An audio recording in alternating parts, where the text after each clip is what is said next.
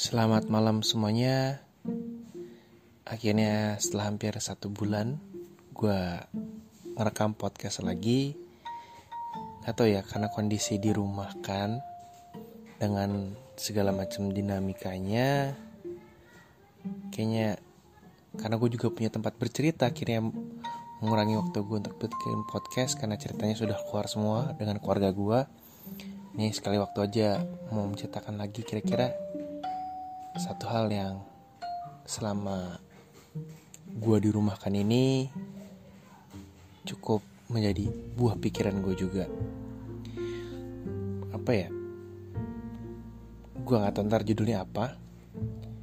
Uh, karena gue ngerasa di usia gue yang sekarang mungkin dengan teman-teman gue juga banyak sekali orang dihadapkan dengan oh kok belum begini di usia sekian belum gini jujur teman-teman di rumah gue sebagian besar yang teman main gue di rumah sebagian besar sudah berpasangan menikah sementara gue belum.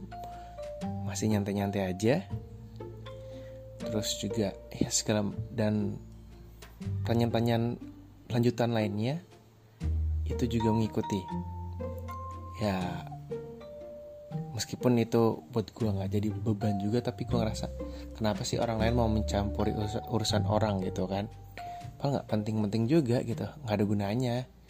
Ya cuman basa-basi yang basi banget kalau menurut gue nah kenapa gue mau ngomong itu karena ya timbul aja gitu omongan di sekitar. Apalagi kemarin ketika lebaran kan nggak pulang kampung akhirnya RT gue bikin silaturahmi silaturahim makan bersama meskipun berjarak-jarak kalau cuma keluar rumah doang gitu Jadi kita makan.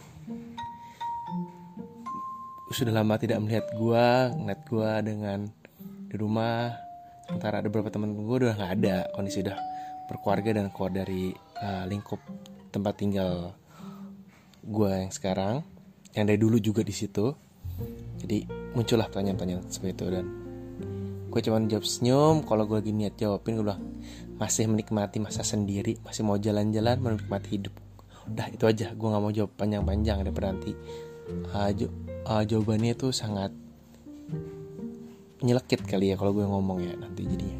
Nah kenapa gue nggak sebenarnya nggak paling nggak suka ngurusin orang lain karena gue sendiri tidak mau diurusin sama orang lain. Jadi lo mau kawin kapan terserah mau punya anak berapa mau nikah mau berapa terserah. Itu hidup kita masing-masing dan kalau menurut gue setiap manusia itu punya tantangan dan rintangan yang berbeda-beda sih.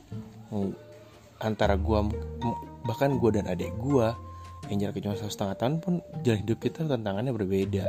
Nggak sama apalagi dengan orang lain. Kadang-kadang gue maka ya cukup kesel dengan orang biasa standar oh kok umur sekian belum begini umur sekian? Lah bodoh amat hidup hidup gue kayak lu yang repot gitu kan.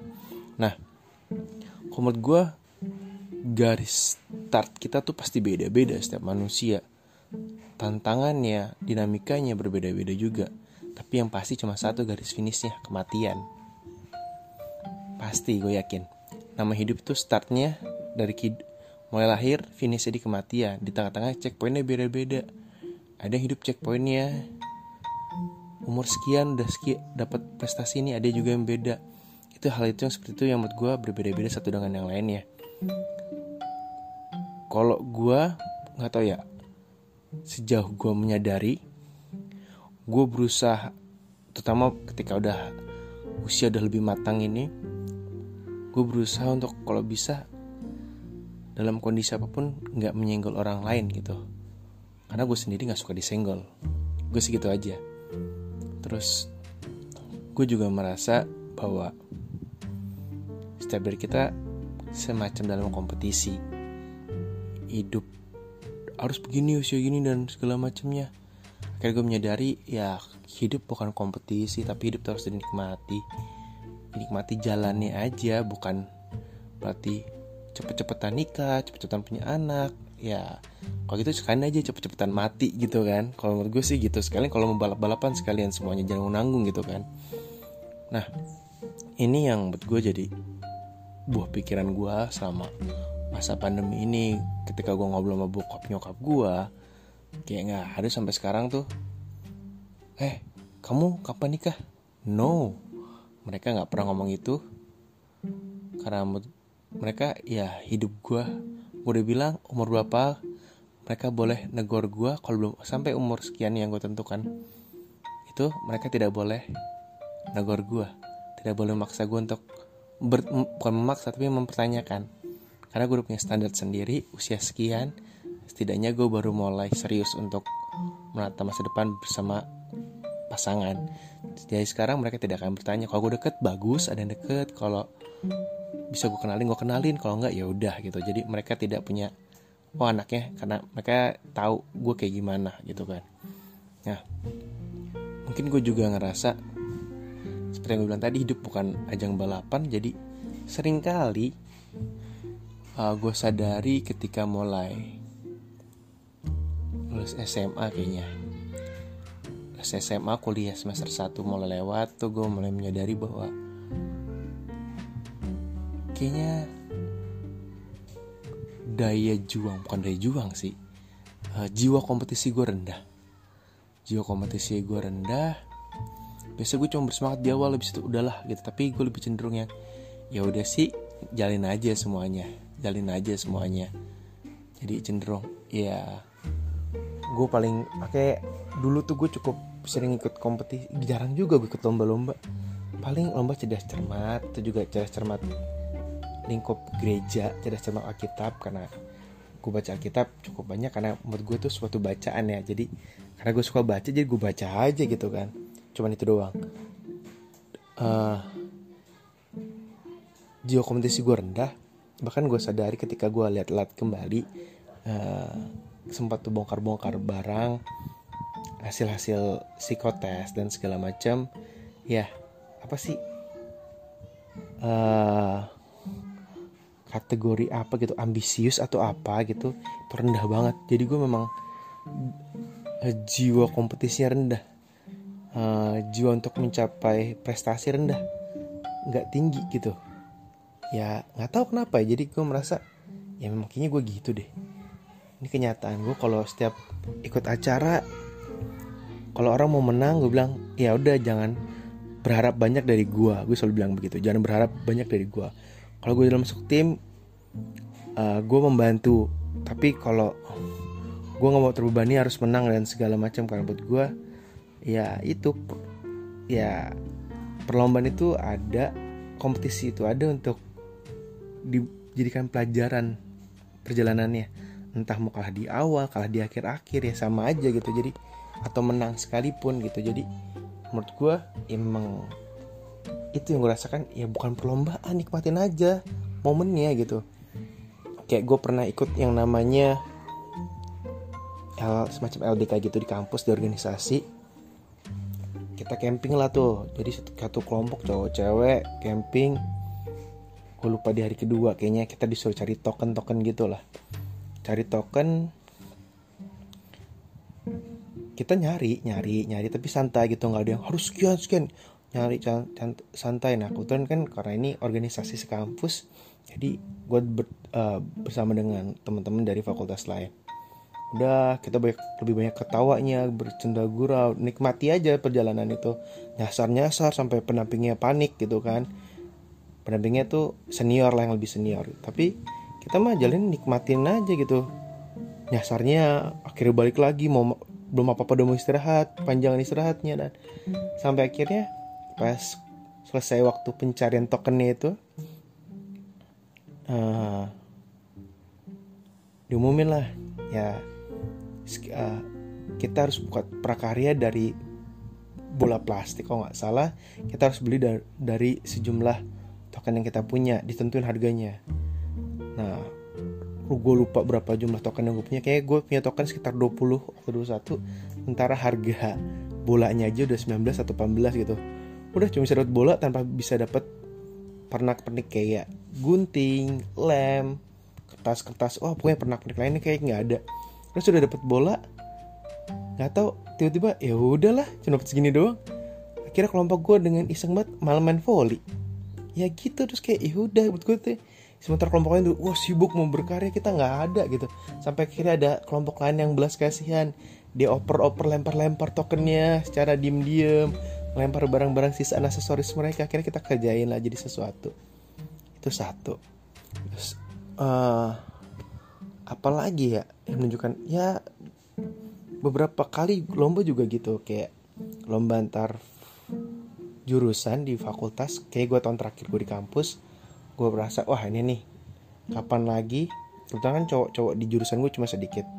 Gue punya niat waktu itu kapan lagi ngumpul bareng? Udah gitu gue kumpulin kebetulan gue juga masih oh nggak salah gue masih sempet jadi itu terakhir gue jadi pengurus himpunan ngebantuin jadi gue termasuk yang udah cukup senior gue cuma bantuin mereka doang sebagai staff di himpunan. Akhirnya gue minta izin gue gue yang koordinir untuk uh, perlombaan itu. Jadi untuk ngumpulin laki akhirnya gue mintain semua patungan buat bayar semua laki-laki.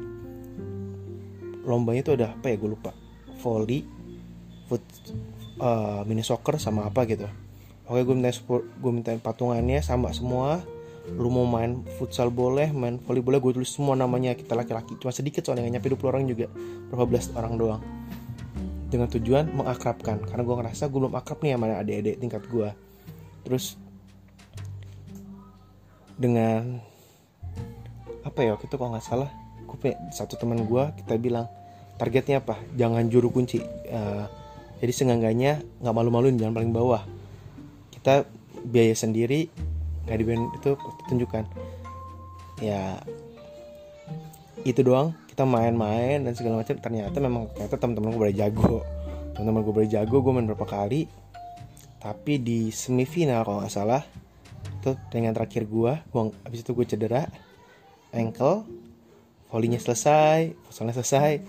Gue nggak ikut di final gue nggak ikut uh, dengan final. Nah akhirnya juara satu di futsal juara dua di volley ya itu suatu kebanggaan. Tapi gue sendiri tujuan awalnya bukan untuk menang. Kita tujuannya awalnya untuk jangan malu-maluin jangan jadi juru kunci. Nah dalam hidup gue juga gue ngerasa gue nggak pengen yang selalu jadi nomor satu ya karena beban kalau yang terlalu terbaik itu nanti kayak wah lu saingan gue nih lu saingan gue aduh gue lebih enak tengah-tengah aja lah. Gitu. Jadi gue lebih suka oh ini gue sukanya sini gue gue kejar yang ini aja tapi yang lainnya yang penting cukup. Gitu. Jadi karena gue merasa hidup itu bukan balapan sih. Hidup itu perjalanan yang harus dinikmati momennya momen jatuhnya jatuh kalahnya. Ya jadi gue kadang-kadang kalau disuruh jadi pelatih gue rasa beban. Karena gue tidak bisa memotivasi aduh senang nggak? Gue kalau pelatih yuk ayo semangat lakukan yang terbaik. Kalau kalau harusnya kalah ya udah kita introspeksi kalahnya. Kenapa? Kalau menang berarti itu bonus. Gue selalu mempersiapkan orang untuk bisa menerima kekalahan gitu. Gue lebih mampu daripada gue harus harus berlatih capek-capek menang. Terus kalau kalah sakitnya lebih gitu kan. Gue pribadi yang seperti itu. Ya kurang lebih seperti itu gue merasa bahwa hidup itu bukan kompetisi bukan balapan. Hidup itu proses perjalanan yang perlu gue nikmatin sih. Apa pun itu. Sedihnya pahitnya ah semuanya lah harus dinikmatin. Semua rasa harus dicobai dan membuat kita semakin banyak kalau menurut gue dengan semakin banyak pengalaman gagal terus berani bangkit lagi gagal terus udah ditinggalin aja gue juga pernah. Dia harus gagal gagal gagal gagal. Eh bukan jalan gue nih gue harus jalan yang lain. Ya udah gitu aja. Itu yang gue rasa uh, karena menurut gue itulah hidup. Ya jangan jadikan standar tuh sama dengan standar orang lain gitu. Kita mulai dari uh, posisi mungkin kita pada kondisi sekarang yang sama tapi model start kita berbeda gitu. Ada orang yang dari lahir udah punya plus 5 ada yang lahir itu min 10 maksudnya kemampuan ekonomi kemampuan uh, uh, kesehatan mental kesehatan jasmani itu kan berbeda-beda jadi orang melangkahnya juga berbeda-beda. Ada orang yang mungkin lahirnya sama-sama nol tapi dia cepet di waktu masa kecilnya naiknya tinggi terus tiba-tiba turun. Ada juga yang lambat tapi dia kira-kira ya begitulah. Gue ngeliat ada teman gue yang sangat wah cerdas banget waktu waktu SMP wah ini orang hebat. Tiba-tiba terombang ambing SMA-nya mulai nggak jelas SMP kuliahnya nggak tahu ke mana. Sementara teman gue lagi yang lainnya nilai di standar-standar mepet-mepet perjuangan perjuangan perjuangan tapi konsisten. Terus dia masih bertahan bertahan bertahan akhirnya menjadi orang yang sukses juga menurut gue ya itu. Karena setiap orang tuh punya tantangannya masing-masing punya halangannya masing-masing. Jadi nggak perlu banding bandingkan dan jangan dibuat balapan. Nggak asik hidup itu untuk dinikmatin aja. Itu aja sih yang mau gue omongin. Ya cuman ingin bercerita aja tanpa ada niatan untuk mengedukasi ataupun menginspirasi. Selamat malam, terima kasih.